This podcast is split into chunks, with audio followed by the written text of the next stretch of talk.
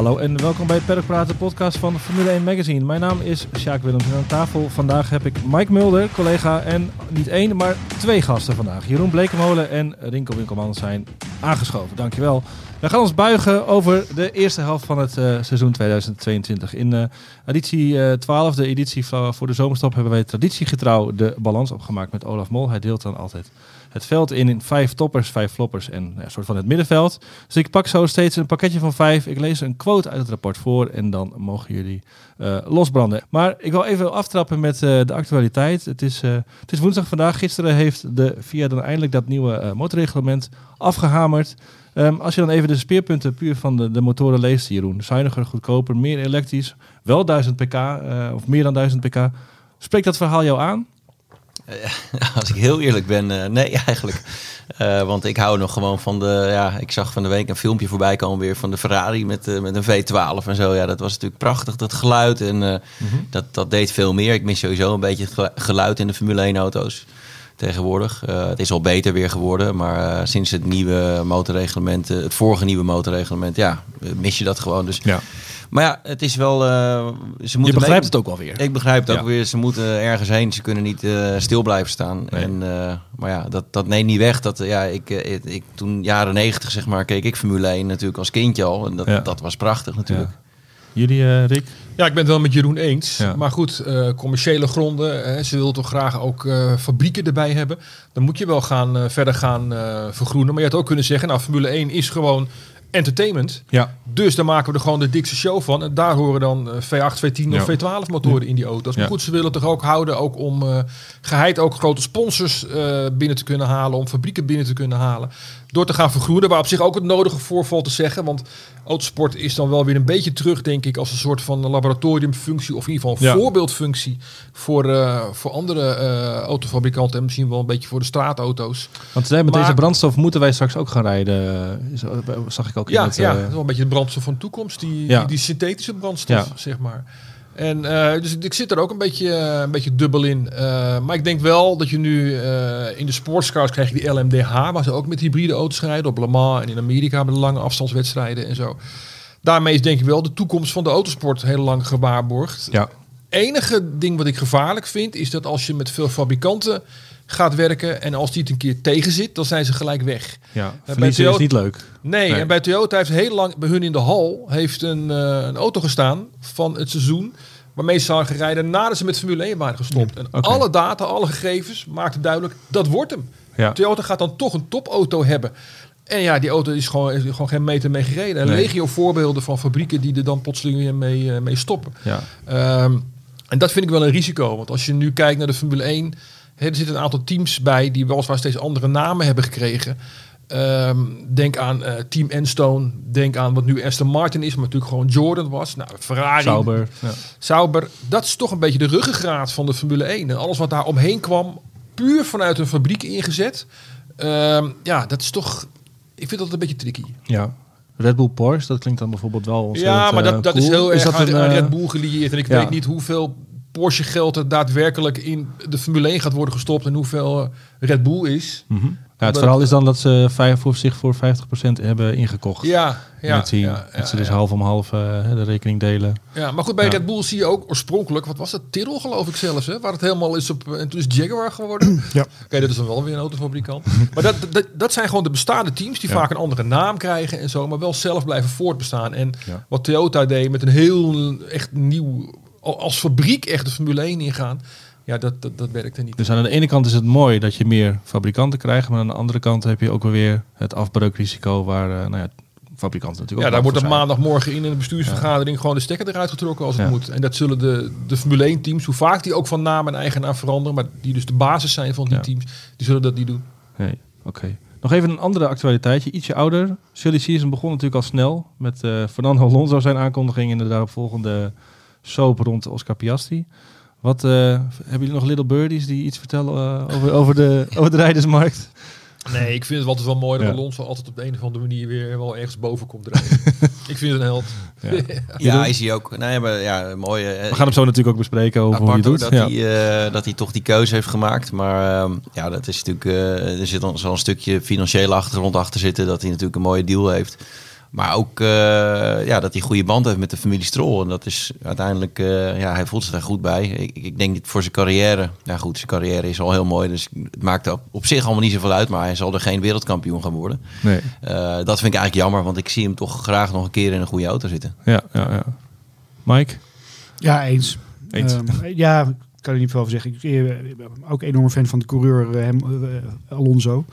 Wat hij eh, daarnaast aan politiek af en toe bedrijft, eh kun je vraagtekens spelen. Maar ehm mooi keer. En goed dat hij, dat hij blijft, denk ik. En ik moet zeggen dat ik het ook niet had zien aankomen. Van Alpine is toch gewoon hoger aangeslagen in de Formule 1 dan, dan Aston Martin, zou je zeggen. Ja. Ik denk dat het vooral, vooral vanaf van, vanuit La- Lawrence Stroll, die heeft natuurlijk Vettel zien vertrekken. En die wil gewoon ook uit marketingoogpunten, denk ik, om zijn merk Aston Martin te verkopen, daar gewoon een, een coureur van naam en faam in hebben, in Ja. die auto hebben zitten. Dus ja, dan kom je bij Alonso uit. Oké. Die eh, misschien niet helemaal tevreden was bij Alpine. Nee. Bij Alpine is het wel onrustig. Hè? Ja, daarom. schermen op Ja, managementniveau. Ja. Dus, eh, Dat wil niet zeggen dat Aston Martin eh, opeens eh, sneller gaat nee, dan als Alpine. Stroll in de er klaar mee is, dan is dat Ja, ook... nee, maar dat is precies wat je zegt. ja. Ik bedoel, kijk, de Aston Martin, we hadden het erover, Jordan, dat is ook een privéteam geweest natuurlijk. Hè? Maar Aston Martin en, en Lawrence Stroll is ook iemand... Lawrence Stroll is ook zo iemand die, als, hij, als het er even niet zit, zint, zegt van, ja joh, bekijk het maar, ik ga wat anders doen. En dan gaat de stekker eruit. Alhoewel, ze zijn natuurlijk nu met een nieuwe fabriek bezig in Silverstone, dus dat...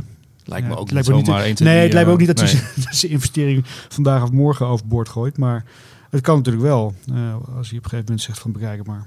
Ik denk dat hij toch uiteindelijk ook gewoon is ingesteld om dat team meer waar te maken en het dan weer van de hand te doen. precies, misschien. precies. Vooral dat denk ik ook. Ja. Ja. En daarbij Ja. gebruik maken van Aston Martin. En, een, en een naam in, eh, in zijn auto. Ja. Perlpraat.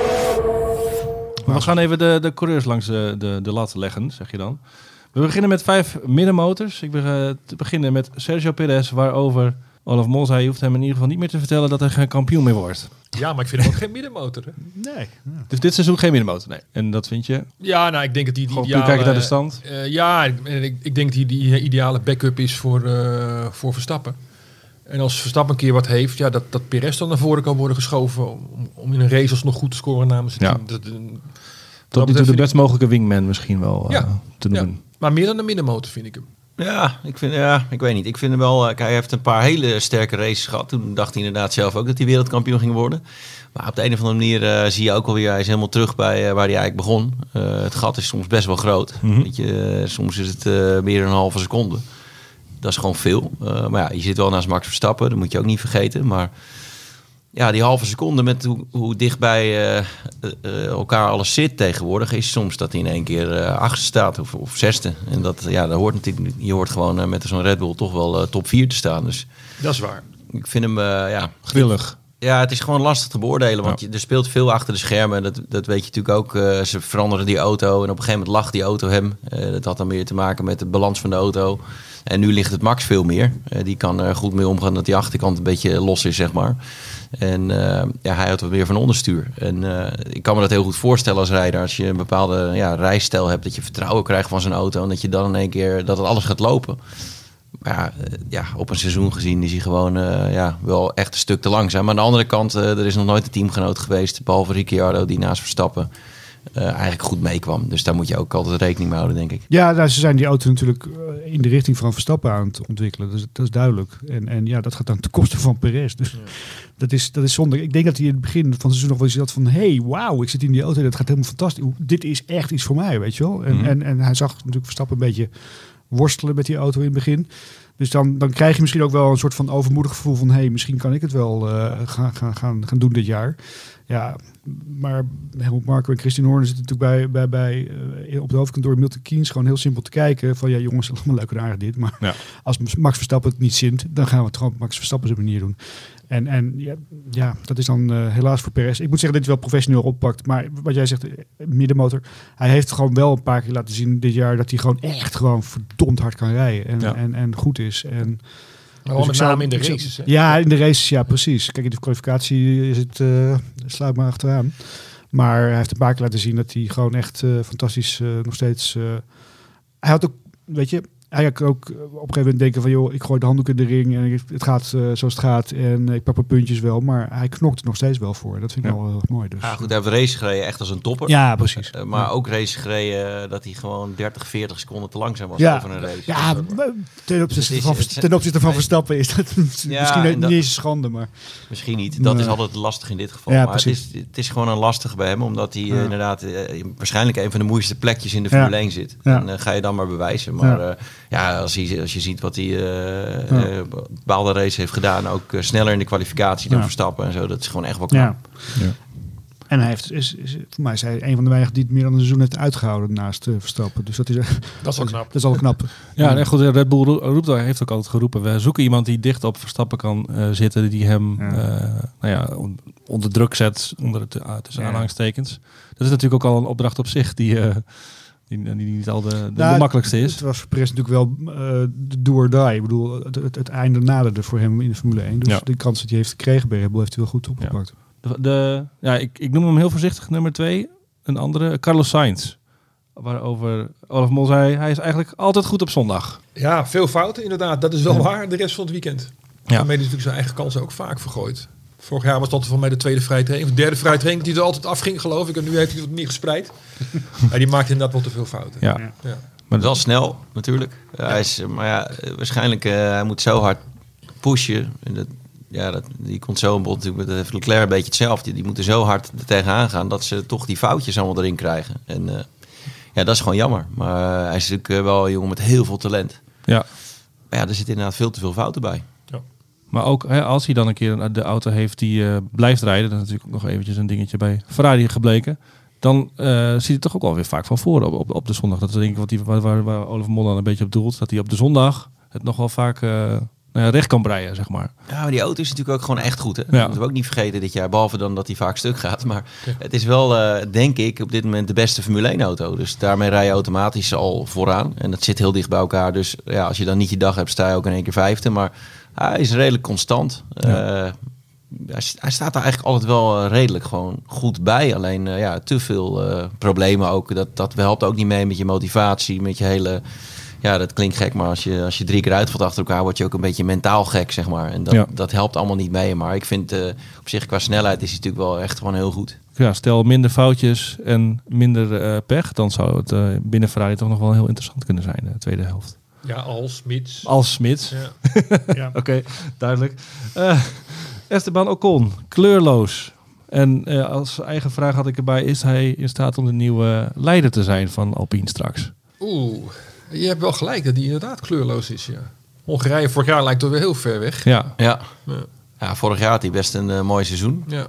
Maar nu heeft hij het gewoon echt zwaar. En uh, Alonso is gewoon helemaal weer, zeg maar, terug. Zit er bovenop. Ja. Zit er bovenop. En uh, ja, dat niveau heeft hij gewoon niet. Uh, af en toe wel. af en toe staat hij er eens een keer voor. Maar gewoon gemiddeld genomen, ja, heeft hij het gewoon moeilijk. Ja. En dan val je toch een beetje door de mand. Dan heb je ook wel weer de pech dat je naast Alonso zit. Maar goed, Alonso is ook 41 inmiddels. Dus je hoort daar gewoon als jong talent, hoor je daar eigenlijk voor te staan, als je heel eerlijk bent. Ja, Mike? Ja, nee eens. Ik, ik weet ook niet wat daar achter de schermen bij Alpine daar meespeelt. Je zegt van, kan hij de leider van Alpine worden? Ik, weet, ik denk dat ze daar zelf ook niet eens over uit zijn wie daar nou de leider is. Maar je moet met de vuist op tafel slaan daar. En dat lijkt, maar op, welk, op welk bureau moet je slaan daar? Ik heb geen idee. Ik bedoel, dat is een beetje de pest, denk ik. Hij kan best hard rijden, maar hij heeft ook niet dat zag je eigenlijk al bij Racing Point, toen hij daar werd uitgezet en ten faveur van Lance Stroll. Toen zag je me al heel timide op reageren. Voor mij heb ik ooit een keer zag ik, zag ik hem in gesprek in een garage met, met Verstappen, denk ik, of met iemand anders, geen idee. Uitleggen van ja, of nee, met Vettel was dat. Van ja, we, we rijden volgend jaar nog. Nou, nee, ik ben eruit. Ik vind hem heel timide. Mhm. Ik vind hem niet een, een leider als, als uh, Verstappen of een Leclerc, Hamilton die met de vuist op tafel slaat en zegt van jongens, we gaan het mij, op mijn manier doen. Dat heeft hij ook nog niet kunnen opeisen, denk ik. Mhm. Buiten die overwinning dan, maar... Dit zou zijn kans hem- moeten zijn, vind- moment moeten zijn uh, om dat Nou te ja, doen. hij moet, hij moet, hij moet, hij- als hij wil, nu van Alonso weggaat, mo- moet hij zeggen van ik ben de leider van dit team. Ja, nou ja, ja. Ik zie het niet gebeuren. Ik vind het een hele, hele, hij kan ongetwijfeld heel hard rijden, dat, dat, dat is ook zo, maar eh, geen leiderschapskwaliteit, laat ik zo zeggen. Oké, oké. Volgende, Lando Norris. Ehm, als hij ooit het materiaal heeft om mee te doen, dan is hij een kandidaat voor de titel. Hij weet wat er uit een auto valt te halen. Met andere woorden, hij noemt hem uh, kampioensmateriaal. Is Lennon Norris kampioensmateriaal? Jeroen. Ja, vind ik wel. Ja, nee, hij is absoluut een heel groot talent. Uh, je ziet hoe, hoe lastig Ricciardo dat heeft. Uh, dat kan ook weer met andere. Hè, dat heeft ook met andere dingen te maken waar we het al hier over hadden. Perez met een auto die hem niet helemaal zint. En het kan bij Ricciardo hetzelfde verhaal zijn, maar dan nog, hij staat er wel elke keer. Ehm, ja, haalt echt het maximale uit die auto. En vergeet niet, de eerste race stonden ze helemaal nergens met die auto. Dus hebben ze ook goed gedaan. Dat ze, ja... Hoge verwachtingen ook wel hadden voor McLaren, denk ik. De, de combinatie McLaren met de Mercedes motor natuurlijk ook. Ja, natuurlijk. Het is natuurlijk een team wat je nooit uit mag vlakken. Een team met heel veel historie, maar waar gewoon veel goede mensen werken. Een grote fabriek. James Key wordt vaak uh, hoog uh, van opgegeven, terecht natuurlijk ook. Maar ja. Uh, ja, ik wil, ik wil denk ik niet zeggen, maar hij moet de sleutel nog uh, vinden, zeg maar. Ja, het is, het is ook niet makkelijk, want uh, ja, ze zijn allemaal niet helemaal achterlijk, zeg maar. Maar je nee. ziet gewoon dat, uh, ja, dat hij wel altijd het maximale uit die auto haalt. in ieder geval ten opzichte van Ricciardo, maar ik denk ook echt wel met die auto. Ja, McLaren moet hun auto beter zien te krijgen. En ik denk dat Norris dan inderdaad podiumkandidaat is, race na race. Maar goed, dan moet wel eerst die auto ja. een stuk beter zijn dan nu, want dat is niet, niet best. Nee, nee. Oké. Okay. Um, rookie Guan Yu Zhu, uit het juiste racehout gesneden, vraagteken. Um, valt hij mee, valt hij tegen, laat ik, ik het zo zeggen. Dat weet ik eigenlijk niet. Uh, dit is niet zo erg als dat wellicht vooraf werd gevreesd. Hè, dat hij alleen maar in de Formule 1 zat vanwege zijn nationaliteit en zo. Uh, hij doet het uh, redelijk. Hij doet niet zoveel fout eigenlijk. Hij doet niet zoveel fout, maar nee. dat kan ook betekenen dat je ook weer niet het uiterste nee, uit een nee, auto nee. kan halen. Dunne lijn zoiets, natuurlijk. Weet ja. je wel. Alleen, alleen geen fouten maken is, is niet genoeg. Je moet ook de snelheid natuurlijk wel hebben. Nee, ik heb wel het idee dat hij wel gewoon redelijk in, in, in het spoor zit. Dat hij leert dit jaar van, ja. van Bottas. En natuurlijk een ja. mooi zo'n ervaren man daarnaast. Hij zit daar wel in het goede team wat dat betreft. Ja. Natuurlijk met Bottas als, als leider. En sowieso bij, uh, met Vasseur, met zijn teams, met, met, Alfa, zoals het nu is, heet. Dat, zou, dat is wel een goede plek om het, om, om het te leren. En ik vind het ook wel mooi om te zien dat hij, hij, hij ontwikkelt zich ook wel zeg maar, als karakter binnen de dat paddock. Dat vind ik ook wel mooi om te zien. Dat zou je misschien ook niet 1, 2, 3 verwachten van uh, een Chinees misschien. Nee, vanwege de cultuurverschillen en dat ja. soort dingen. Maar goed, hij race natuurlijk al lang ook, uh, ook wel in Europese teams en zo. Ja, oké. Okay, dus ja. Uh, ja. ja ik, ik weet het niet. Nee. Ik weet het niet. Ja, ik vind hem uiteindelijk uh, heeft hij een paar keer echt wel hele goede dingen laten zien. Ook sneller geweest dan Bottas een paar keer in de kwalificatie. Want natuurlijk, uh, ja, we weten Bottas laatste paar weken inderdaad, ja. Dus hij is wel aan het groeien. En uh, inderdaad, maar dat is ook, hij groeit in zo'n team. Hij begint een beetje het spelletje te snappen. Ja, hoe je zo'n weekend opbouwt, hoe je met dingen omgaat. Dus ja, best wel degelijk. Uh, maar ook niet heel bijzonder. Nee. Maar goed, dat kon je ook niet verwachten van hem. Uh, hij was in de, in de Formule 2 ook gewoon prima, zeg maar. Ook wel goede, goede resultaten gehaald, maar niet, ja, hij was geen kampioen. Het was niet Nee. de uitblinker, zeg maar. Nee. En, en dat zal het ook in de Formule 1 nooit worden. Maar hij is ook zeker niet slecht. Hij zit daar niet inderdaad alleen maar om zijn nationaliteit. Dat, eh, uiteindelijk speelde dat natuurlijk uh, ook mee. Maar uh, hij geeft ook echt wel gas. Ja. Perlpraat. Nou, de eerste uh, groep is gedaan. De eerste rondvraag dan. Beetje een corny vraag, maar wat is voor jullie het mooiste moment van het seizoen tot nu toe? Wat, uh, wat, wat hebben jullie nog wel eens teruggekeken? Ja, maar ja, niet, niet zozeer Dat kan van alles zijn. Ja, Eh, ja niet, niet zozeer één moment. Maar wat ik wel mooi vond, ontdekte ik op een bepaald moment bij mezelf, is dat de eh, verstandhouding tussen de coureurs, ik het zo zeggen, denk aan Leclerc en Verstappen, na de races, waar ze echt vaak wel agressief tegen elkaar hebben gereden, zoveel anders is dan ja. vorig jaar. nou, nou, vorig jaar, ja. En dat vind ik toch prettiger. Natuurlijk, vorig jaar was eh, dat voegde ook heel veel toe aan de spanning. Het was een thriller. Iedere keer weer hoe die twee dan met elkaar om zouden gaan. ja. En nu weet je eigenlijk gewoon dat dat onderlinge respect. Dat was er misschien ook wel hoor tussen Hamilton en Verstappen, maar dat uitte zich natuurlijk niet. Nee. Er stond zoveel druk op de ketel. Nu oogt het veel. eh, na de wedstrijd oogt het prettiger om naar te kijken. En dat, Ja. dat vind ik wel. Het gaat niet ten koste van het racen. Maar daarna is er gewoon veel meer respect en, en gaan die jongens gewoon beter met Ze elkaar staan om. naar de dat, vind ik wel, dat vind ik wel Ja. mooi als je het vergelijkt met eh, hoe dat vorig jaar. Ze staan wel toch vaak te keuvelen en elkaar uit te leggen. Hoe, hoe ging Ja. jouw rondje? Hoe was die van jou? Ja, ja, en Eh, Toto Wolf ligt nog steeds wakker van eh, wat in Abu Dhabi is van de week Zeg daar wel ja. bij dat Verstappen de terechte kampioen is. ja. Duurt, heeft even geduurd. Maar, eh, ja, ja, ja. Nee, ik, nee, wat dat betreft kijk ik nu liever naar hoe het tussen, tussen Leclerc... liever dan haat en eh, ja, ja, ja, ja. Alhoewel, ik vond op zich...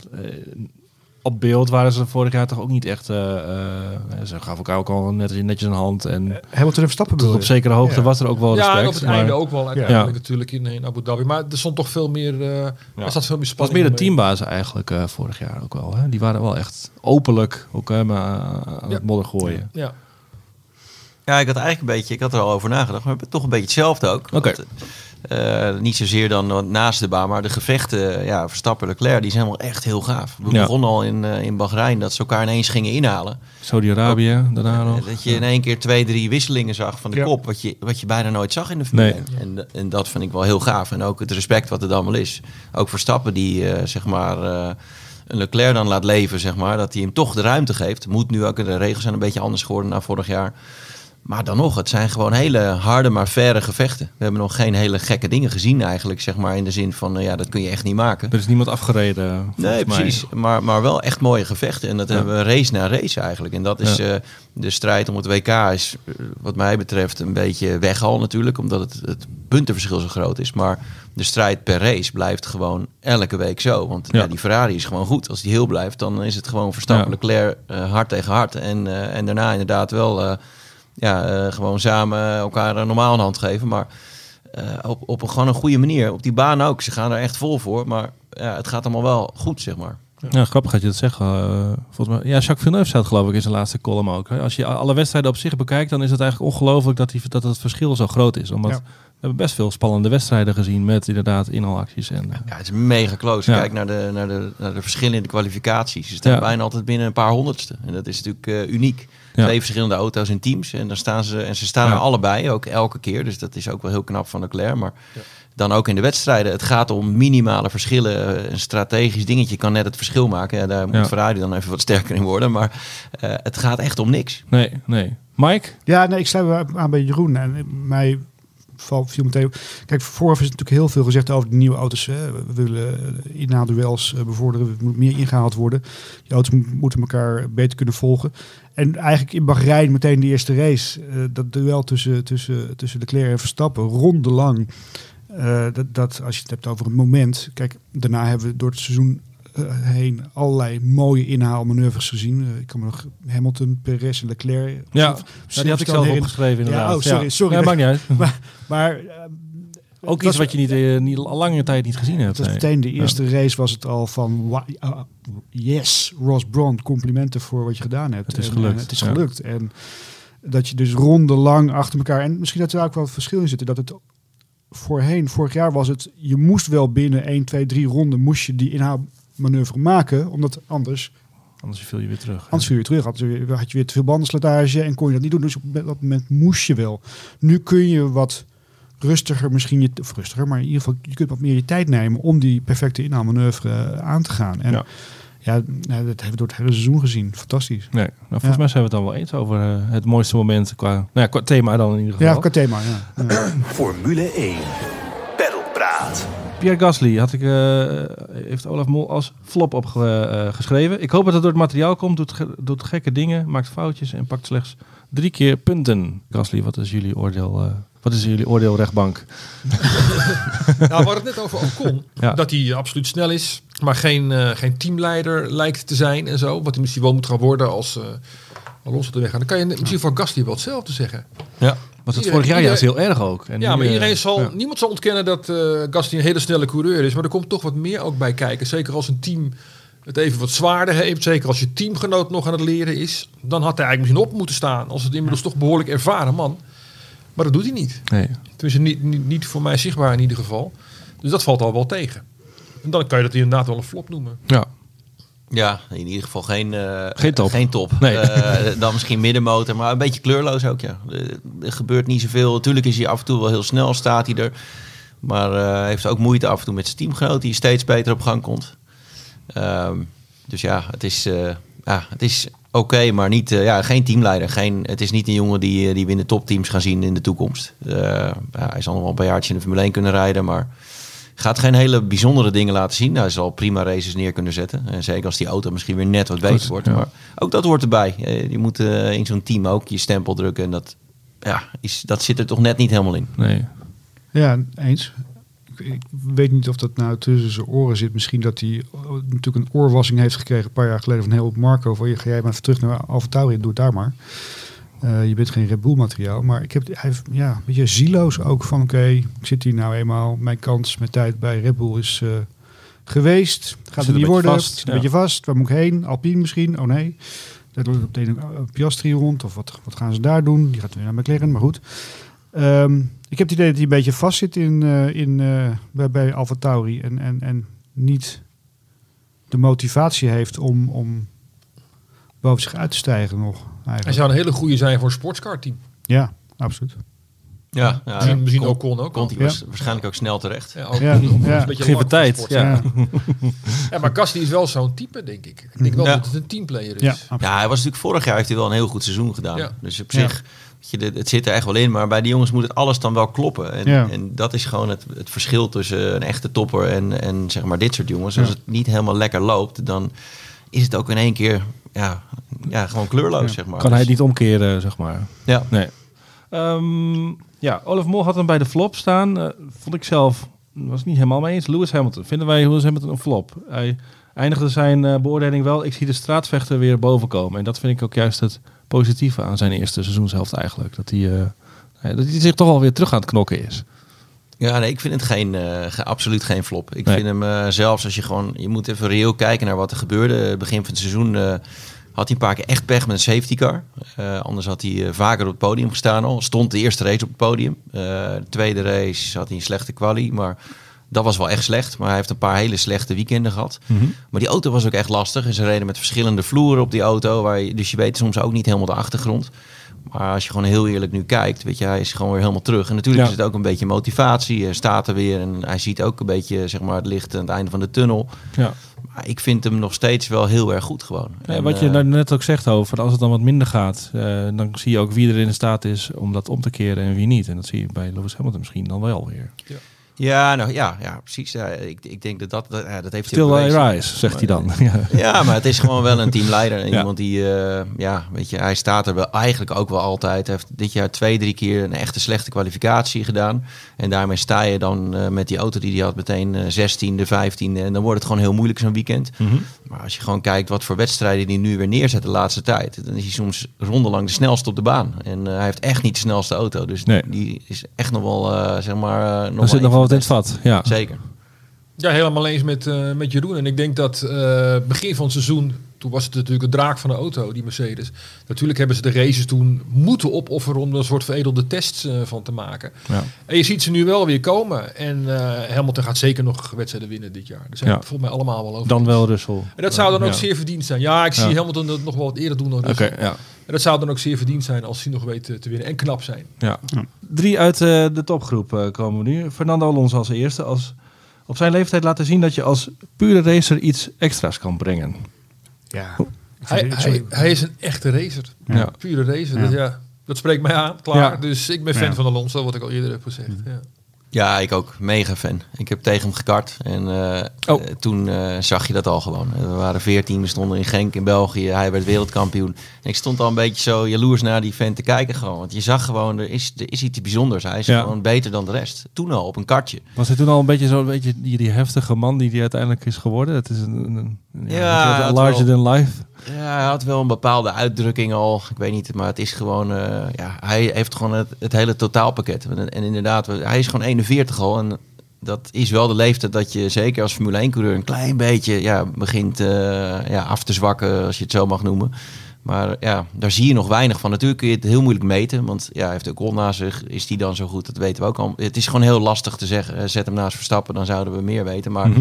die, die drive die hij heeft, ehm, ook dat hij weg is gegaan uit de Formule 1, heeft alles gedaan natuurlijk. Ook eh, Dakar door, door, door het stof letterlijk gegaan, Eh Le Mans gewonnen. Ja, het is voor mij ook gewoon echt een held. Ja. in die 500 eh, draait hij ook zijn hand niet voor om, even op zijn oval. Nee. En, Dat tussenjaar heeft hem misschien ook wel weer die energie gegeven. Dat heeft hem misschien Ja. ook wel weer gered. ik denk dat hij eh, daardoor weer eh, helemaal terug is, zeg maar. Dat hij ook heeft gezien dat Formule 1 toch nog wel gewoon het hoogste is wat er is in de autosport. Ja. En als hij daar kan rijden, nou ja, daarom eh, tekent hij ook bij, nu voor meerdere jaren, dat hij gewoon nog een paar jaartjes door kan. Want dat, dat vindt hij gewoon het mooiste. Ja, oké. nee. Valtteri Bottas.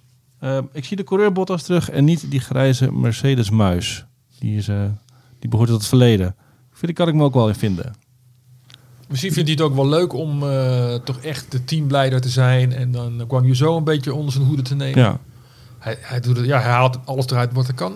Wat erin Ja. zit in, in die auto, denk ik. Ja, Valt niks op af te dingen. een paar hele goede weekenden natuurlijk Ja. neergezet. Ja. Ehm, ja, ik vind hem in de race altijd nog wel een beetje. Ja, weet je, hij verliest meestal wel één, twee plekjes bij de start. Eh, eh, of, of, of meer soms. Eh, dus dat, dat valt me dan altijd wel een beetje tegen. Ik snap dat dan niet zo goed. Ja, hij is gewoon geen goede racer, zeg maar. De, de start, de eerste ronde is hij niet handig. Iedereen heeft wel eens een goede start, iedereen heeft wel eens een slechte start. Maar bij hem is het gewoon wel systematisch dat hij altijd wel... Zou je te veel op safe gaan? Ja, misschien wel. Misschien eh, gaat hij, gaat hij, rijdt hij te, te veilig. Ja. Denkt hij te veel erover na. Of, eh, maar er is ook een bepaald gevoel wat je hebt als coureur. Soms weet je gewoon, als ik nu hier een buiten om ernaast zet, het ga, ik ga het halen of ik probeer het. En hij heeft misschien dat gevoel net wat minder.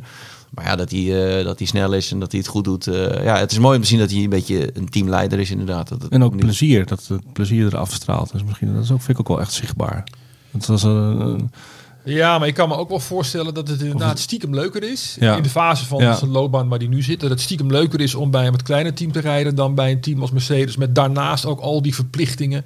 Misschien nog wat meer eh, bedrijfsmatige, politiek interne eh, spelletjes en zo. En dat er bij, eh, Dit is gewoon een gespeeld. Ja. Dit is een raceteam, punt. Ja, ja, ja, en ik kan me ja, het is een goed moment voor je carrière om daar te mogen zitten nog, denk Ja. ik. Ja. George Russell heeft racegochme en daar gaan we nog heel veel plezier aan beleven. Lijkt me, lijkt me duidelijk. Ja. Ja, natuurlijk. Heel goed. Heel snel. eh, ja, heeft eh, ook geen makkelijke teamgenoot met Nee. Hamilton ernaast. Maar eh, is vaak ook sneller geweest.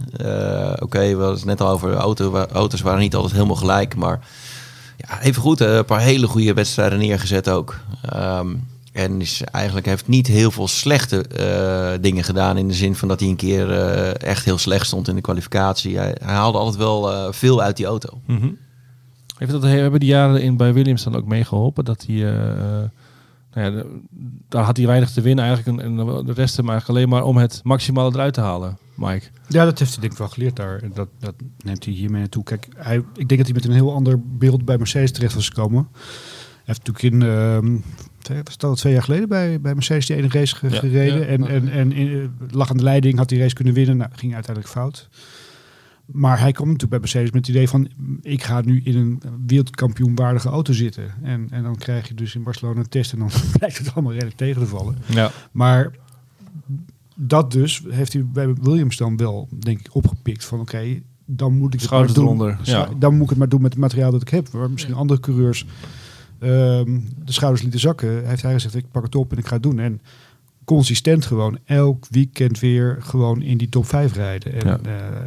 ja, ja wat is het? 10 punten meer? 10? 12 punten meer dan, eh, dan, dan Hamilton. Die, Hij had het zelf misschien wel anders gewild natuurlijk, Ja, tuurlijk. Russell, hè? tuurlijk. Eh, maar als je kijkt naar, eh, hij is nog jong. Nou, bij Williams heeft hij, eh, daar was hij de teamleider, heeft hij heel veel kunnen doen. Eh, heel veel geleerd.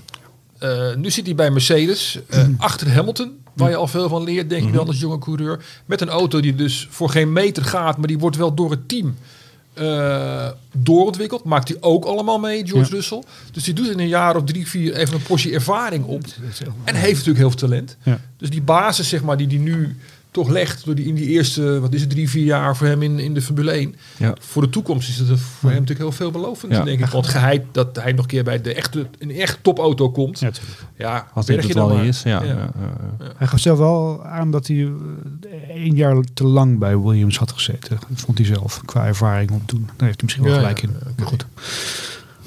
ja, nee, dat... dat ja, eh, nou ja, of Hamilton of Russell dit jaar als eerste een race gaat winnen. Ik, ja, ik weet niet.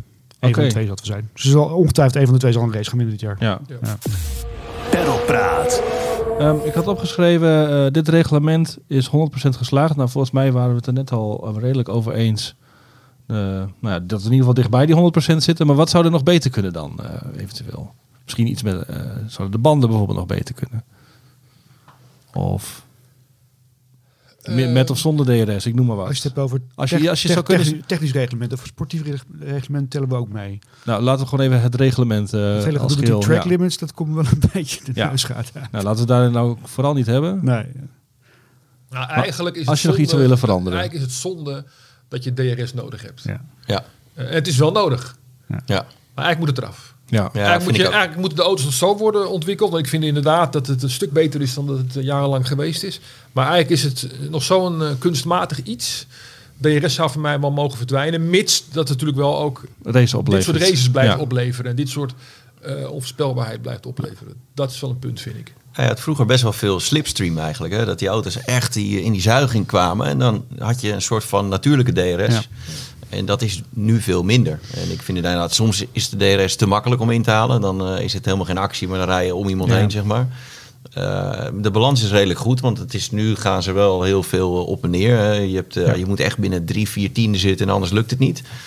Maar ja, ik vind ja, het is, het is iets kunstmatig. Het hoort niet bij normaal racen, Nee. eigenlijk. Alhoewel het ook wel tactisch gezien af en toe ingezet kan worden natuurlijk. We hebben het ook wel dit jaar gezien dat er op een circuit twee, drie eh, DRS-zones waren... waarvan je dan inderdaad niet in de eerste... Was het in Saudi-Arabië?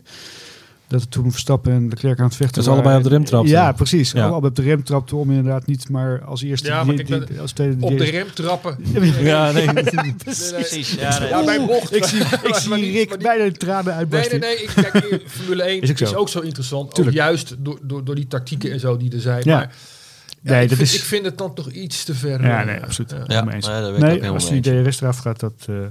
Dat kan nu dus nog niet, maar dat, Nee. dat zouden ze Nee. moeten Nee. zien, voor elkaar zien te Ja, krijgen. dat het niet kan, dat zagen we, volgens mij was het Barcelona toch? Dat eh, de DRS van Verstappen het niet meer deed en dat Ja. hij achter eh, Russell vast zat. Ja. ja. Waar hij normaal gesproken met DRS natuurlijk voorbij gezeild was. Ja, oké, maar zelfs als alle coureurs geen DRS zouden hebben, Ja. dat werkt dan ook nog niet. Nee, nee, Dus nee. dat- nee, nee. nee oké, dus eh, de DRS, als het zou kunnen, eraf, maar voor nu eh, Voor nu nog even niet, denk ik. slikken we het maar eventjes. Ja. Ehm, de derde groep coureurs, Kevin Magnussen. Ehm Olaf Mol heeft hem net niet in zijn top 5. Deze comeback is een cadeautje. Over, eh, voor- ja, eh, we zeiden net Alonso dat jaar heeft hem misschien gered. Dat zou voor Magnussen denk ik ook wel eh, gezegd kunnen worden. Ik denk inderdaad een cadeautje voor Magnussen zelf. En ik denk toch ook voor, eh, voor Haas toch ook wel. Dus dat is eh, ja, liever Magnussen dan Mazepin eh, natuurlijk. ja, Ja, dus ehm, ja, ik vind het wel knap hoe die, hoe die gelijk toen hij weer instapte weer gewoon gelijk boem. Ja, Er, op zijn Haas niveau natuurlijk, maar er wel gewoon gelijk stond. ja.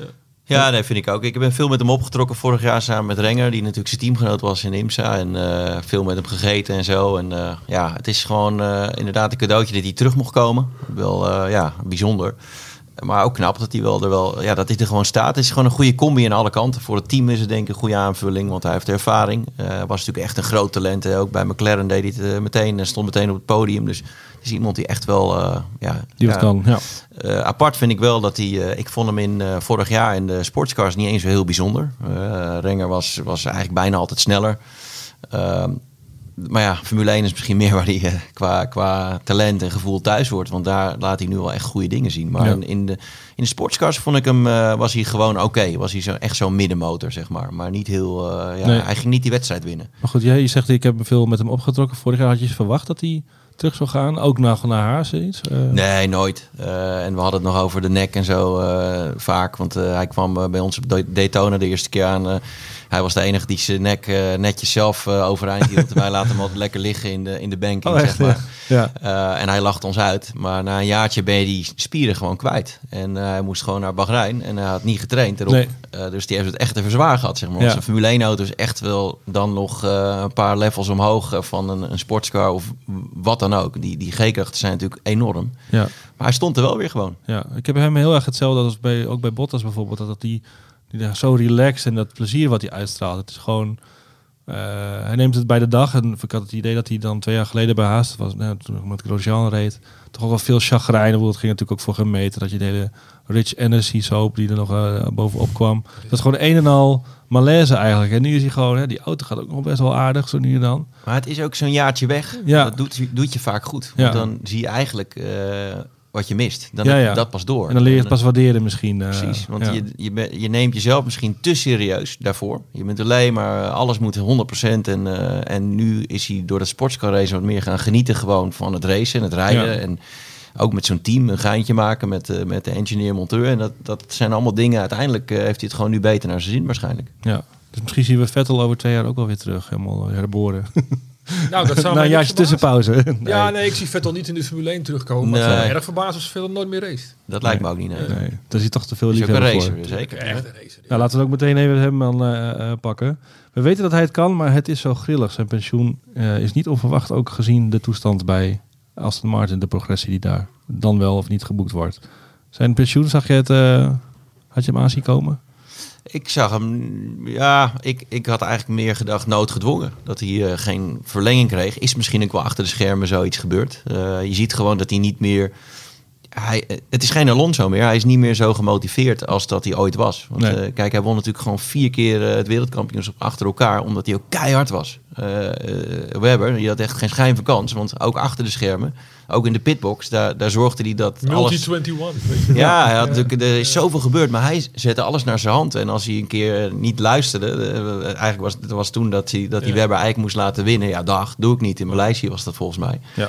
Maar dat is, eh, dat is hoe hij als wereldkampioen was. En dat is hij niet meer. Hij is gewoon veel zachter, relaxter. eh, mooie vent. En nog steeds natuurlijk heel snel. Die auto gaat gewoon heel slecht in de kwalificatie. Maar in de race is hij vaak echt heel goed. Ja, Dus, eh, maar ja, ik, ik, ja, het is ook gewoon wel tijd voor hem. ja, ja Multi-21 zeg ik. Dat beeld dat hij dat flesje zo aan zijn mond heeft. Terwijl Mark Webber hem dus vraagt, Multi-21 Sap. En dan blijft hij doordrinken alsof hij dan... Oh nee, dan hoef ik toch ook niet te praten. zo, zo Ja, maar dan herken je gewoon een, Ja, eh, de wereldkampioen. ja. Want dat- die zijn, je moet soms gewoon harder zijn dan de ander. En eh, dat, is, eh, dat moet ook een beetje in je zitten qua motivatie en zo. En dat, eh, dat zat er bij hem 100% in. Maar het is gewoon nu een hele aardige, relaxte kerel geworden. Ja. En hij is echt anders dan, eh, dan, laten we zeggen, tien jaar geleden. is Ik heb misschien ook niet... het idee dat hij nog heel lang race. Niet, niet, niet in de Formule 1 natuurlijk, maar hè, dat hij ook misschien wel het hele Formule 1 leven. Je wordt natuurlijk geleefd. En Ja. dat doet hij al zo lang. Dat hij ook wat meer wil. Je hoort hem ook vaak over duurzaamheid. Hè, en met zijn tuin waar hij het over heeft. De bijen, dat soort dingen. ja. Maar dat zou heel goed passen in, in andere race-series. Dus echt... eh, en dat, ik hoop ook dat hij nog heel lang racet. Want het is gewoon een topcoureur. En voor mij ook inderdaad gewoon... Ja, die kan je in alle race-series er prima bij hebben, denk ik. Zeker. Ja. Die kun je ook zo allemaal laten rijden. En dan Ja. is hij ook een teamplayer. Want dat Ja. is hij ook zeker nu. Dus eh nou, is echt wel een goede, ja, goede vent gewoon. Volgende Duitser, Mick Schumacher. Geen megatalent, maar wel een zwoeger. Hij krijgt de benodigde tijd vanwege zijn achternaam. Ja, dat is spot on. Spot denk on. ik. Ja. Ja. Ja. Ja, ik vind het altijd moeilijk met hem. Want Ja, ik vind... Hij is Ja. wel gewoon Maar gaat hij er Formule dan 3 nog- kampioen nog komen? geworden, Ja. Formule 2 kampioen geworden. En af en toe is hij ook wel echt snel. Maar ja, ja, Ja, maar wel vaak in zijn tweede seizoen en zo, hè? ja, ja, hij, doet, hij heeft er te lang over gedaan. Ja. Het, dus het is niet eentje van de buitencategorie. Dat is Het is eigenlijk. geen eh, Piastri of zoiets. nee. Alles gewoon bam in één Ja. keer. Nee, eh, precies. doet. Maar uiteindelijk, als hij eenmaal op gang is, is hij gewoon echt wel goed. En misschien had hij eh, Magnus eh, meteen moeten verslaan als je eigenlijk reëel bent. Want Magnus was ook een jaartje weg. En, maar goed, ja, af en toe is hij ook wel weer, eh, heeft hij ook weer hele goede weekenden. Dus het is, eh, ja, dat is voor mij echt zo'n eh, zo'n middenmotor, zeg maar. Gewoon een goede jongen, die kan nog zo eh 10, 15 jaar Formule 1 rijden. Mhm. Maar die, die, gaat, die gaat in principe geen wereldkampioen worden, tenzij die eh, ooit eh, toevallig in de goede auto zit met een slechte teamgenoot. Maar in principe gaat dat niet gebeuren. Nee, dus niemand die het ooit eigenlijk openlijk zegt. Maar aan die, eh, hè, die Formule 2 titel bijvoorbeeld. eh, in de tweede helft begon hij ineens alles te winnen. Formule Ja, 3 dat ook. gebeurde in de. Formule In de 3. Formule Ja. 3 ook inderdaad. Ja, Ja, er zijn veel verhalen over. Ja. Eh, dat vind ik moeilijk. Bewijzen zijn er niet. En eh, het is misschien ook niet heel, heel chic om dat als, als coureur of ja, wie dan ook Ja. te zeggen. Ja, ik, maar ik, ik weet het niet. Er Nee. zijn Nee. eh, heel veel verhalen. Het is niet, Ja. voor mij niet onmogelijk dat er daar achter de schermen meer is gebeurd. Ja. Want Nee. dat werkt soms ook in de autosport zo. ja, Aan de andere kant kan het ook zijn dat die jongen gewoon, eh, ja, hij komt wat Het- langzamer het op gang. En als het eenmaal ja. loopt, dat hij die ook echt heel goed wordt. Eh, dat zou ook zomaar kunnen. Maar ja, dat, dat zijn altijd hele lastige dilemma's. ja. Mike, je bent altijd fan van Yuki Tsunoda. Ja. Zijn vechtlust is zijn valkuil. Ja, hij heeft het toch wel meer onder controle, vind ik. Ja, zegt hij zelf ook. Hij heeft hulp Ja. gezocht ook. Ja. ja. Hij moest ook hulp zoeken van, eh van, van Helmut Marco. Ja, Hij Hij krijgt heel veel krediet, vind ik. ja. Ja, hij krijgt wel heel veel krediet. Maar als je het over vechtlust hebt, vind ik wel... eh, Alhoewel, ik, ik vind hem de laatste tijd wat, wat kleurlozer misschien ook weer. Maar het, het- ja, ja, het is een mooi kereltje, vind ik. Maar of je daarmee mee een lange carrière in de Formule 1 eh af Ja, wat Rick afdwingt- zegt, hij krijgt veel krediet. Is dat een, Eigenlijk is het eh, een Ja. soort van oneerlijk. Ja. Als, je, als je nagaat hoe Albon en Gasly zijn behandeld door, eh, door eh, Helmut Marco. Ja, bij Red Bull. Bij, bij Red Bull. En, en Ja. niet, niet, niet, niet bij Alfa Tauri natuurlijk, waar Nee, denk ik nee, Frans. Tost hem wel de hand boven het hoofd ja, houdt. Ik zou niet weten wie daar bij Alfa Tauri anders moet instappen. En Ja, ik weet niet of die Japanse eh, link met Honda nog steeds daar doorwerkt. Dat is natuurlijk de reden waarom hij ooit in de Formule 1 terecht kwam. Maar ik vind hem een mooi kereltje. Alleen jij, eh, ik vind hem minder. Ik heb vorig jaar wat meer op hem gelet omdat hij toen nieuw was. En, en toen het wel heel erg, eh, heel erg over de radio. eh, ik vind hem dit jaar. Ja. Ja. Dat is natuurlijk niet de juiste reden om iemand aan te houden. Omdat hij zo leuk is op de nee, radio. nee maar dat, dat zeg ik ook niet. Maar jij Nee. vraagt aan mij van, Ja, jij, jij ja. bent de bonderaar van de... Ik vind, ik vind het een mooi kereltje. Dat, gaat, dat, is, dat is prachtig. Maar of dat nou betekent dat je dan tien jaar lang in de Formule 1 moet blijven rijden? Nee. Op een gegeven moment moet het ook gaan, eh, moet je gaan presteren. En dat... Geven we hem nog even tijd? Geef nog wat extra krediet? natuurlijk, joh. Ja, hij zal nog wel een jaartje mee Ja, mogen. maar Ja. ik denk dat hij wel eh, binnen twee, drie Ja. jaar eruit ligt. eh, Ja. Misschien eerder. Dat Ja. ligt het, eh, het- zo is de Formule 1 Ja. ook gewoon. Hij is gewoon, ja, geeft ook echt wel gas. Maar ja, het is gewoon geen, eh, ja, het, het is ook geen wereldkampioen. Dus eh, ja, dan eh, overleef je wel een tijdje. Maar op een gegeven moment houdt het dan toch op. En er zijn genoeg eh, Red Bull junior rijders die eraan komen uit de Formule 2 nu. Maar Ja, ja. die zijn ook allemaal Ook niet... misschien net niet. Nee, die Dat springen is er- zijn geluk ook dat- wel voor Ja, dat is zijn geluk. Ja. Er springt er niemand echt uit daar. En die rijden de ene week rijdt die vooraan, dan weer die. Dus dat is gewoon heel lastig. En, en inderdaad zijn geluk. Ja, als er een, ja, een George Russell of een Lando Norris in de Formule 2 had gereden, dan eh, had hij een groot Ja, probleem tuurlijk. gehad. Ja. Ja, natuurlijk. Ja, ja. Oké. Ehm, Lance Stroll is het niet, heeft het niet en heeft totaal geen interesse. Ja, hij heeft Wat het wel. Hij heeft het wel. En wat heeft hij? Heel veel Canadese dollars. ja, ja. Nog Ja, steeds duidelijk, denk ik. Ja, het is natuurlijk wel een jongen die ook eh, zijn moment heeft. Eh, Die heeft ook gewoon podiums gepakt. Ja, Regen En, doet eh, hij meestal wel aan. Regen heeft hij een paar keer heel sterk gedaan. Dus het is ook, weet je, hij zit niet helemaal eh, alleen maar door geld. In, ja, natuurlijk zit hij door geld in de Formule 1. Maar ik bedoel, hij heeft ook genoeg talent om Formule 1-coureur te zijn.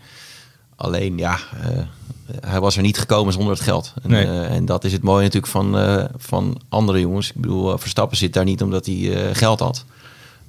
Die zat er echt omdat iedereen zag van wow, dit is iets bijzonders. En hetzelfde met Alonso of Kimi. Kimi kwam helemaal van, van niks. Dus dat, ja, die, die begonnen op de kart mensen ja, voorbij te rijden. En dat is met Stroll gewoon anders. Dus ja, ze horen erbij in de Formule 1. Zo is het altijd al geweest. En eh, nog steeds. Goed, je zei net over Tsunoda, over twee, drie jaar dan zit hij niet meer in de Formule 1. Zit Stroll over twee à drie jaar nog in de Formule 1? Misschien een leuke vraag om ze nu dan te stellen bij coureurs. Ja, dat lijkt me wel. Want Ja. ik denk niet dat zijn vader er snel mee op gaat houden. Nee. Of hij moet zelf niet meer Of er komt een heel Ja, ongemakkelijk gesprek eh, wellicht met vader.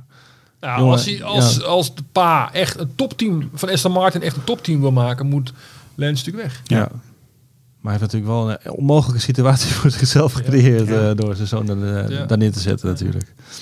Ja, of hij denkt, nou, we zitten toch nog met het opbouwen van Aston. Martin. Eerst de fabriek maar even afmaken. Dan nog wat andere coureurs erbij. Nou, dan komt er al eentje aan natuurlijk met, eh, met Alonso. En dat misschien een volgende stap zal zijn. Eh, sorry Lens, je hebt het eh, toch best lang mogen gehad, doen, Formule ja. 1. We gaan nu iets moois verzinnen, een mooie reden verzinnen voor jou om eh, de Formule 1 te verlaten. Ja, ja, ja. ja. Oké. Ehm, van deze groep Alex Albon nog even snel meenemen. Niet meer dat timide ventje. Ook iemand die natuurlijk na een jaar eh, eh, weer terug is gekomen. Op de reservebank gezeten. Ehm, zit hij over twee jaar, drie jaar nog in de Formule 1? Ja, ook een goeie. ja. Ja, ik denk het eigenlijk ook niet. Dat zijn allemaal van die grensgevallen die eh, ja, inderdaad nog, die zullen nog best wel even kunnen overleven als het allemaal mooi valt. En ook dat soort jongens hebben de mazzel dat er nu niemand aankomt die echt erbovenuit springt in de Formule 2. Eh, en misschien ook in de IndyCar. Eh, Ja. want daar rijdt een eh, Scott Dixon nog steeds gewoon vooraan, die inmiddels ook aardig op leeftijd is. Ja, als er in de IndyCar in één keer iemand alles gaat winnen, dan heb je zomaar kans dat die dan de overstap kan maken. Maar ja, van alle kanten is het een beetje stil, zeg maar, onder de Formule 1. En Ja. dat is allemaal voor dit soort jongens een mazzel. In het voordeel, ja. ja, ja. Oké. Ehm, voor de vierde en laatste groep. we hebben nog vier te gaan. Ehm Nicolas Latifi. Veruit de slechtste coureur van het veld. En dat is nog het, eh, het aardigste wat eh, Olaf Mol over hem heeft gezegd. ja, het is een beetje hetzelfde verhaal misschien als Lance Stroll. eh, Ja, ik had eigenlijk al verwacht dat hij al weg zou zijn geweest. Ook omdat de financiële situatie van Williams nu beter is dan toen hij erin kwam. Ja. Met het geld van zijn vader. En er zitten andere investeerders inmiddels bij. ja, Het lijkt me dat dit zijn laatste seizoen ja, is. ja. Ik vind dat zo lastig met hem. Ik, ik kan niet echt een hekel aan hem hebben. Of Nee, het zeker is niet. nee. Zo'n dood normale jongen eigenlijk. eh, gezien zijn achtergrond is dat misschien wel opvallend. Maar Ja, misschien dat uh, Verstappen hem stiekem nog helpt na vorig jaar Abu Dhabi ja. om minder Formule 1 te houden. Maar ja. die heeft er wel wat aan te danken natuurlijk. Maar uh, ja, hij maakt veel te veel fouten. Uh, ja, het is gewoon een niveautje te hoog. Maar nee. verder natuurlijk... Het is gewoon bijna het echt cult aan het worden ook. Hè? Zoals die vrije training laatst waar die... in Hongarije. waar ineens de snelste was. Dat was de tweede vrije training geloof ik die in de regen werd gereden. Of was het de derde? Nou goed, hoe dan ook. Toen was echt een algehele uh, euforie. ging in de, in de media, media wel, Wij zitten een beetje vriendelijk te lachen over Latifi. Hè? Ja. Ik ook hoor. Um, en over Strol niet. Nee, nee, maar dat wil ik zeggen ja, van uh, bij Strol, dat, ja. hij, hij, ergert, hij irriteert je ook gewoon ja, een beetje met, met zijn houding, hoe die praat. Jack uh, vervangen toen die oh, met ja. zijn corona dingen zat en zo. Nou, dan komt hij met zo'n gezicht naar je toe, denk ik. Ja, terwijl Latifi is altijd, uh, is altijd gewoon Super een leuk gesprek, weet je wel. En Strol echt niet. Nee. Ja, vergeet ook niet, zijn jongen kan echt wel een beetje autorijden, zeg maar. Ja. die, die heeft ook veel... Dan kijk je misschien te snel overheen als het om, om nou ja, rijke nou, nee, gaat. Het, het is gewoon natuurlijk wel topsport. En bij topsport wordt ook dat je gewoon uh, ja, echt de allerbeste horen er te zitten. En dat is hij eigenlijk niet. Nee. Uh, de, hij hoort niet bij die groep van 20 coureurs die, uh, die de beste zijn. Maar ja, hij hoort misschien wel bij de groep van 150 coureurs die de beste zijn in de wereld. Het is echt geen slechte autocoureur, maar nee. niet goed genoeg niet voor het. Formule 1. Nee, nee. Um, Daniel Ricciardo, hij weet, hier lach ik me niet meer uit. Vond ik wel een grappige constatering. Zou het, zou het klaar zijn voor Ricciardo? Uh, ik vrees wel van wel voor hem. Uh, bij McLaren althans? Of al in de nou, misschien wel helemaal. Het is gewoon een moeilijke positie waar hij in zit. Want het is een coureur die... Uh, hij is gewend om veel te verdienen. Dus dan zal hij een flinke stap terug moeten doen. Maar dat wil hij misschien wel. Want hij wil misschien ook wel heel graag blijven. Maar ja, hij was ook niet, gewoon niet meer goed genoeg. bij McLaren in ieder geval. hij heeft echt wel een pak slagen gekregen. dus wil je hem dan wel hebben als team? Ja. En ja, aan de andere kant is het een jongen die ook heel veel sfeer brengt, ervaring brengt. Uh, aandacht. Uh, ja. ja, media-aandacht ook. Hè? Maar wat dat betreft heeft McLaren natuurlijk wel goed gedaan. Dat is in de afgelopen jaren qua media-aandacht en marketing wel heel erg omhoog gegaan. Ik, ja, dat is natuurlijk een van de Netflix-uithangborden. Daarom. Contractueel geloof ik ook nog. Zelfs. Ja, maar wat, Olaf zegt, dat is nu klaar. Ja, ja precies, precies. Daar heeft hij zichzelf misschien een bepaalde uh, fanschade ja. gekregen. Ja, maar nu moet hij het echt laten zien en dat, dat lukt hem niet. Nee. nee. Toch wel jammer. Eigenlijk. Tuurlijk, het is wel wat dat betreft een van de smaakmakers, weet je wel. ook gewoon als, als karakter als coureur. Ja, uh, wel mooie inhaalmanoeuvres altijd. Ja. Uh, gaf een, een, race toch wel vaak kleur. Ja. Zeker. Ja, hij zou natuurlijk perfect passen in de Amerikaanse autosport. Is er ook groot liefhebber van. Ja. Uh, nou goed, met NASCAR zie je nu steeds meer uh, niet-Amerikanen komen. Misschien moet hij daar eens kijken. Hij start nummer drie, hè? Deel Earnhardt. Dat, ja. dat was zijn oh ja, jeugd, dat was zijn uh, idool, favoriet. Ja. IndyCar, alhoewel daar niet ook overal maar even zomaar plekjes zijn. Dus ik weet het niet. Hij zit in een lastig pakket, Ricciardo. Ja, uh, ik verwacht wel dat hij uiteindelijk uh, ergens anders gaat rijden. Uh, omdat hij ook gewoon... het is wel een echte racer. Ja. Hij, hij, wil ook gewoon door. En, en dan is inderdaad Amerika zou voor hem top zijn. Ja. En het zou voor ons mooi zijn om te zien. Ja. zou Alpine verstandig gaan doen? Al zou Alpine verstandig gaan doen om hem aan te trekken? Ja, lastig. Hij heeft natuurlijk een verleden daar.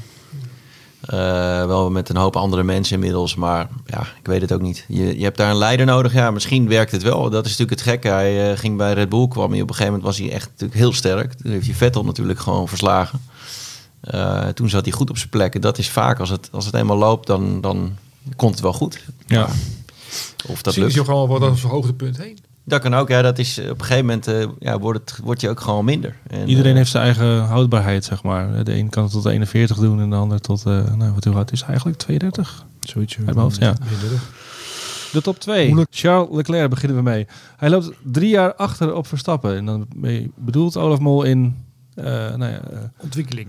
In ontwikkeling, uh, emotioneel. Hij is haastig, geen rust en hij rijdt eigenlijk altijd op de limiet, op de top van zijn kunnen. En daardoor nou ja, is hij toch wel wat gevoeliger voor de foutjes. Ja, hij heeft natuurlijk wel, wel wat minder ervaring dan Max, maar hij is ook een briljante coureur natuurlijk. Ja. Wij hebben ze ook een beetje redelijk te vergelijken rijstijl, maar dat kan jij misschien beter inschatten, Jeroen. Qua wat ze van een auto willen, weet je, lichte achterkant. En we mogen ons gelukkig prijzen met allebei die mannen in de Formule 1.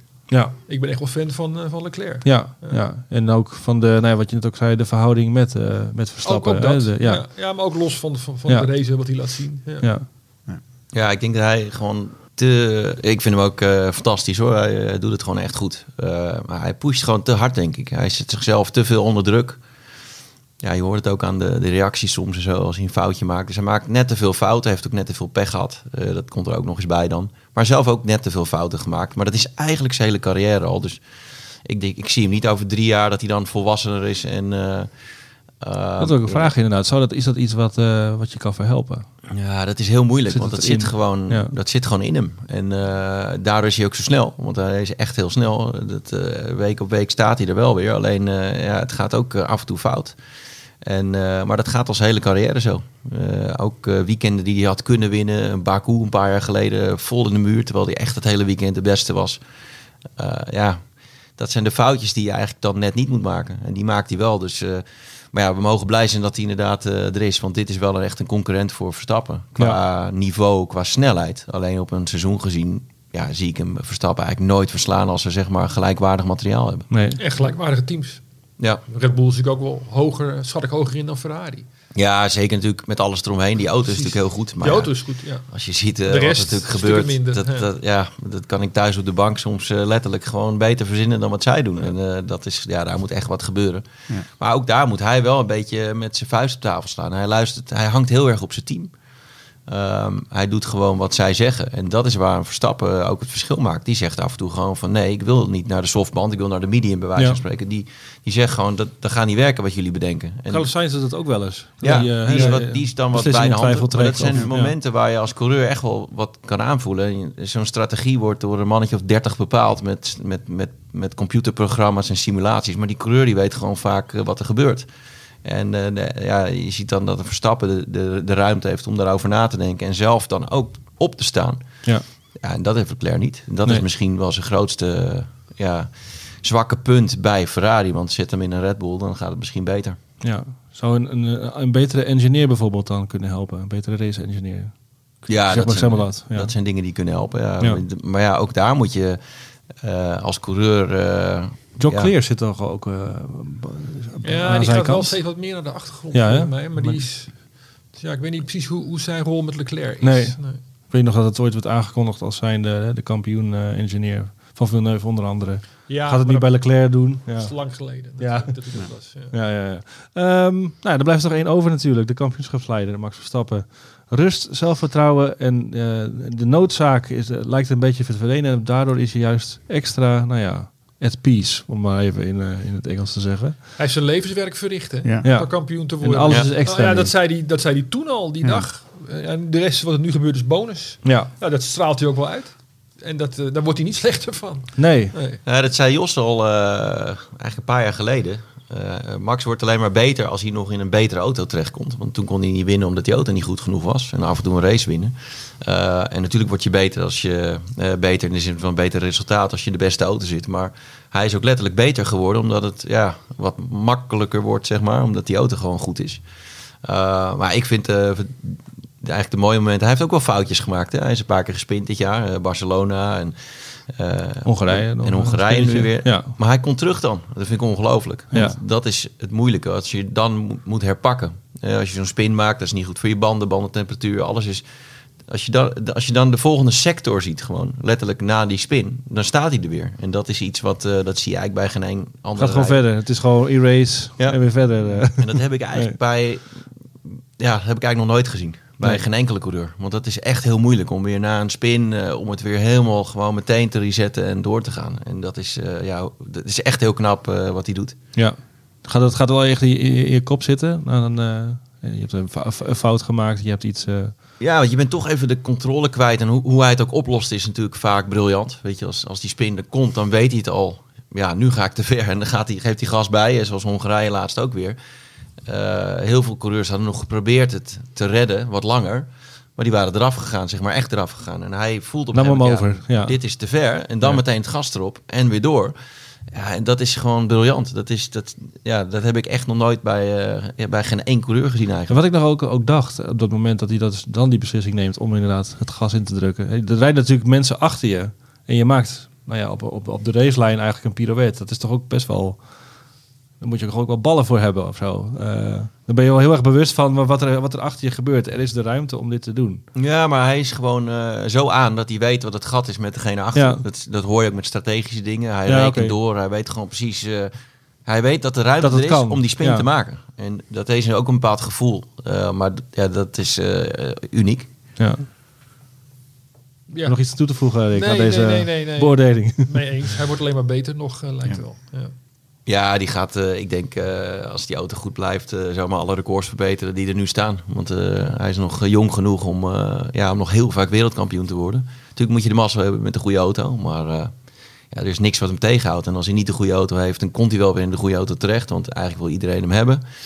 Of hij draait het naar zijn hand toe, wat hij uiteindelijk nu bij Red Bull ook heeft gedaan. Ja, het zou gek zijn om hem te laten gaan naar een ander team. Dan moet er wel echt heel veel eh, Ja, fout gaan de- of, of, dat- of fout zitten. Dat kan, maar dat, dat dachten we ook bij eh, Hamilton McLaren. Die gaat nooit weg daar. Eh, nou ja, die ging natuurlijk toch naar Mercedes uiteindelijk. Ehm, ja, dat, dat soort dingen die gebeuren wel op een gegeven moment. Dus Mhm. het kan zomaar zijn dat hij over drie, vier jaar toch eh, ergens anders heen gaat. Maar dat, dat hangt heel erg af van Ja. het verloop van hoe het gaat. Ik neem aan dat hij het project met Porsche toch nog wel aangaan daar. Ja, dat is natuurlijk dus, prachtig. dus over de komende drie, vier jaar blijft hij natuurlijk bij Red Bull. En dan met Porsche dat nieuwe project aangaan. Ja, maar wie, wie weet het En- op een en- bepaald en- moment misschien wel Horner of Marco eh, vertrekken. Precies. Dat hij dan denkt van, nou ja, weet je wel, dat zou, ja, dat zou inderdaad Ja. altijd nog kunnen. Ja. Tijd zat daarvoor om dan alsnog bij andere teams Ja, ja, te Ja. Alhoewel ik niet weet of zijn droom ook is om bij Ferrari nog ooit wereldkampioen te worden. Zoals in het verleden. Dat is iedereen vaak. Ja, maar dat, het zou wel voor hem zijn om het dan wel te doen. Ja, precies. Ja, ja, wel kampioen te worden. ik denk alleen ja. eh, Verstappen kennen, dat interesseert hem echt helemaal drie keer Nee, niks dat het Ferrari is. Want hij wil gewoon winnen. Winnen. En, eh, het maakt hem eigenlijk niet uit wat voor auto Nee, precies. Ja, grappig wat je zegt. Het maakt echt niet uit in welke auto die zit. Ik weet nog, was mijn eerste klus eh, voor Formule 1 Magazine. Mocht ik naar de wintertest in Barcelona. En toen reed Verstappen dus de garage uit. Er stond, eh, Jos Verstappen stond ernaast. En, en, en een journalist zei hem... Nou, ik vond de kleur van de, die testlivery vond ik toch mooier. Ja, ze hebben dan altijd zo'n speciale showlivery als de auto eh, nou ja, bekendgemaakt wordt. En in Bar- Barcelona had hij dus dan weer de, de normale nou ja, Red Bull kleurstelling. En Jos Verstappen die kijkt ook echt zo af. Ja, wat maakt het nou uit als hij maar snel is? ik wel weer zo vond ik wel weer mooi. Het interesseert echt helemaal niet hoe die auto eruit ziet, wat voor plaatje erop zit, als het maar Sneller. hard gaat. Ja. Formule 1. Pedalpraat. Ehm, de laatste rondvraag. eh, waar hoop je op in de nou ja, tweede seizoen zelfs? Waar kijk je naar uit? Schets een scenario's, had ik het even genoemd. Zelf zou ik het bijvoorbeeld heel tof vinden om een regenrace op Zandvoort te hebben. Gewoon voor de... Nou ja, hoe, hoe zou dat gaan? Hoe zou dat verlopen? Hebben jullie, een, eh, hebben jullie nog een wens? Jeroen. Nou ja, goed. eh, ik kijk sowieso heel erg uit naar Zandvoort. We hebben natuurlijk een prachtig weekend gehad eh, eh, vorig jaar. Dat kan je bijna niet meer Nee, overtreffen. nee, nee. Maar ja, hoe mooi zou het zijn als, ja, als je Verstappen Leclerc gevecht hebt en misschien Hamilton die ook nog mee kan doen. En dat je hopelijk wordt de DRS-zone iets langer dan op Zandvoort dit jaar. Want dat was vorig jaar was hij gewoon net te kort. Was hij Het zou moeten kunnen, was geloof ik de laatste boodschap. Hè? Ja, en dan heb je misschien wel dat... eh, dat Maar hadden we misschien ik- nu wel gehoord al als dat zou zijn Ja ik, ik, ja, ik zit er steeds op te wachten eigenlijk. Ja. Want ik hoop echt dat hij open kan. Want Ja. die laatste bocht eh, waar we het over hebben, Arie Luijendijk bocht, is met de Formule 1 auto echt makkelijk vol gas. Dat doe je Ja. echt met één hand. Ja. Eh, en ook met de achtervleugel open. Ja. Dus eh, het zou heel mooi zijn als ze die, die DRS-zone gewoon wat langer maken. En dan krijg je wel hele mooie gevechten. Dus ik hoop eigenlijk daar een, eh, een mooie thuisrace. Natuurlijk, dat hij, dat, ja, als hij dan wint, is het helemaal mooi. Een mooie wedstrijd zou al... eh, dat, dat is al Ja, eh, een mooie wedstrijd. En ja, natuurlijk hoop je dan dat, dat Verstappen wint. Maar ja, verder, de, de rek is een beetje uit het kampioenschap qua spanning, denk ik. Maar we krijgen nog heel veel mooie Ik kan wedstrijden. zeggen, welke races kijk je naar uit bijvoorbeeld? Singapore vind ik zelf weer echt tof dat we er weer naartoe gaan. Ja, het is natuurlijk een prachtig circuit. Ja. Eh, ook wel iets, eh, ja, is gewoon mooi, altijd eh, spektakel. Eh, Dus dat vind ik ook wel weer leuk dat hij terug is. Maar ja, eigenlijk de meeste circuits die nog komen zijn gewoon wel, eh, Ja. wel leuke Japan, wedstrijden. Japan heb ik heel veel zin in eigenlijk. Ja. Ja. Weer terug naar een paar jaar natuurlijk. Waar, waar, waar- waar kijk je, wat is jouw wens Ja, voor eh, de nou, tweede ik- helft? Ik, heb maar één, we hebben hem al besproken. één wens dat het, het kampioenschap eigenlijk al beslist is, zo ongeveer in oktober, november. En dat, dat- nou, november lukt wel, want dan is het Ja, seizoen oktober. voorbij. Ja. Het is, oh, het is een korte seizoen dit jaar. Ja. Nee, dat, eh, voor mij mag Vettel de laatste race Abu Dhabi winnen. Oké. ja, en dan, want dan heeft hij 299 Grand Prix gereden. En dan afscheid nemen met een paar donuts op het rechte stuk. daar. Is, is Abu Dhabi niet 300? Voor Ja. mij is het 299ste. Hij staat nu op 290 en heeft, er zijn nog negen races te gaan, toch? Ja, nee. ja, nee, voor mij mag, als je dan één wens, kijk, voor, Verstappen wordt kampioen. We krijgen ongetwijfeld nog heel mooie duels te zien. Hamilton en, en Russell gaan zich nog mengen, dus het wordt eh, Ferrari en Mercedes. Wordt, dat, dat zijn allemaal leuke wensen, maar als één ding, ik, voor mij, ik vind Vettel de afgelopen jaren, zo, we hebben het dan besproken, zo'n held geworden eigenlijk. Ook buiten de baan als mens. Fantastische kerel. Voor mij mag hij de laatste race winnen. Zoals Alonso een paar jaar geleden afscheid nam in... eh, nou, hij won hem toen niet, maar Nee. weet je, kun je me herinneren? Met die McLaren, met die Ja, ja. livery, met die kleurstelling van hem. Ja. Dat afscheid gun ik... Ga ik trouwens ook missen zijn helm. Ik mag wel altijd wel fan van zijn helmdesigns. Van- van Vettel? Ja, Ja, ja. nou goed. Iedere keer wat anders. Ja. Ja, ik, ik- wilde eigenlijk zeggen van eh, laat Hamilton inderdaad echt aansluiting vinden. Ja. Maar dat gaat waarschijnlijk wel gebeuren. Dus dan krijg je een, nog gaver Ja, seizoen. precies. Als Ja. die drie, hè, dus eh, Verstappen, Leclerc en Hamilton met elkaar gaan, eh, gaan stoeien. Misschien Russell. Eh, laat ik dan maar zeggen dat Alonso een Grand Prix wint. ja. Oeh, dat wordt wel heel awkward allemaal. eh. ja, Alonso de ene laatste. Hier mag gemeen dat podium, ja. ja. Eigenlijk wordt gewoon de tweede helft één lange nou ja, reden waarom volgend jaar nog alleen maar mooier kan zijn. Eh, ja, wat je zegt, Mercedes Ja, kijk, het, zal er voor Alonso en- wel zo'n Grand Prix moeten Ja. zijn zoals Ocon vorig jaar had in, eh, in Hongarije. Ah, ja. Ja, ja. Eh, maar ja, laat maar gebeuren. Ja, ja. We hebben al een beetje Nou, een loftrompet over Alonso gestoken. Ja. nu, dus eh, Ja. laten we daar maar mee bekronen. Oké. Nou, hartstikke bedankt voor deze rapportage. Ehm, dit was Paddock Praat. Dank voor het luisteren. Het eh, volledige tussenrapport is te- terug te lezen in editie 12, die momenteel in de winkels ligt en ook via onze site te bestellen is. Niet onbelangrijke bijvangst zou dan ook kunnen zijn de Dutch Grand Prix Special die we hebben gemaakt. Waarin we vooruitblikken op alles wat met Zandvoort te maken heeft en de aanstaande eh, Grand Prix daar. Ehm, volgende week gaan we weer los met de klassieker op Spa. Mike, jij zal daar eh, voor ons zijn in, Ja. de, in de Ardennen. Heb je de regelaars eh, al ingepakt? Alles. Ja, Alles. wi- Windbreker. Het kan nog van alles zijn, hè? Alles, ja, alles gaat mee. Paraplu's. Goed, wij praten volgende week weer vrijdag bij eh, Mike in een eh, nieuwe aflevering Zeker. van Perk Praat. Houd tot die tijd onze site in de gaten voor het laatste nieuws. En dan zeg ik bedankt voor het luisteren en tot de volgende. Perlpraat.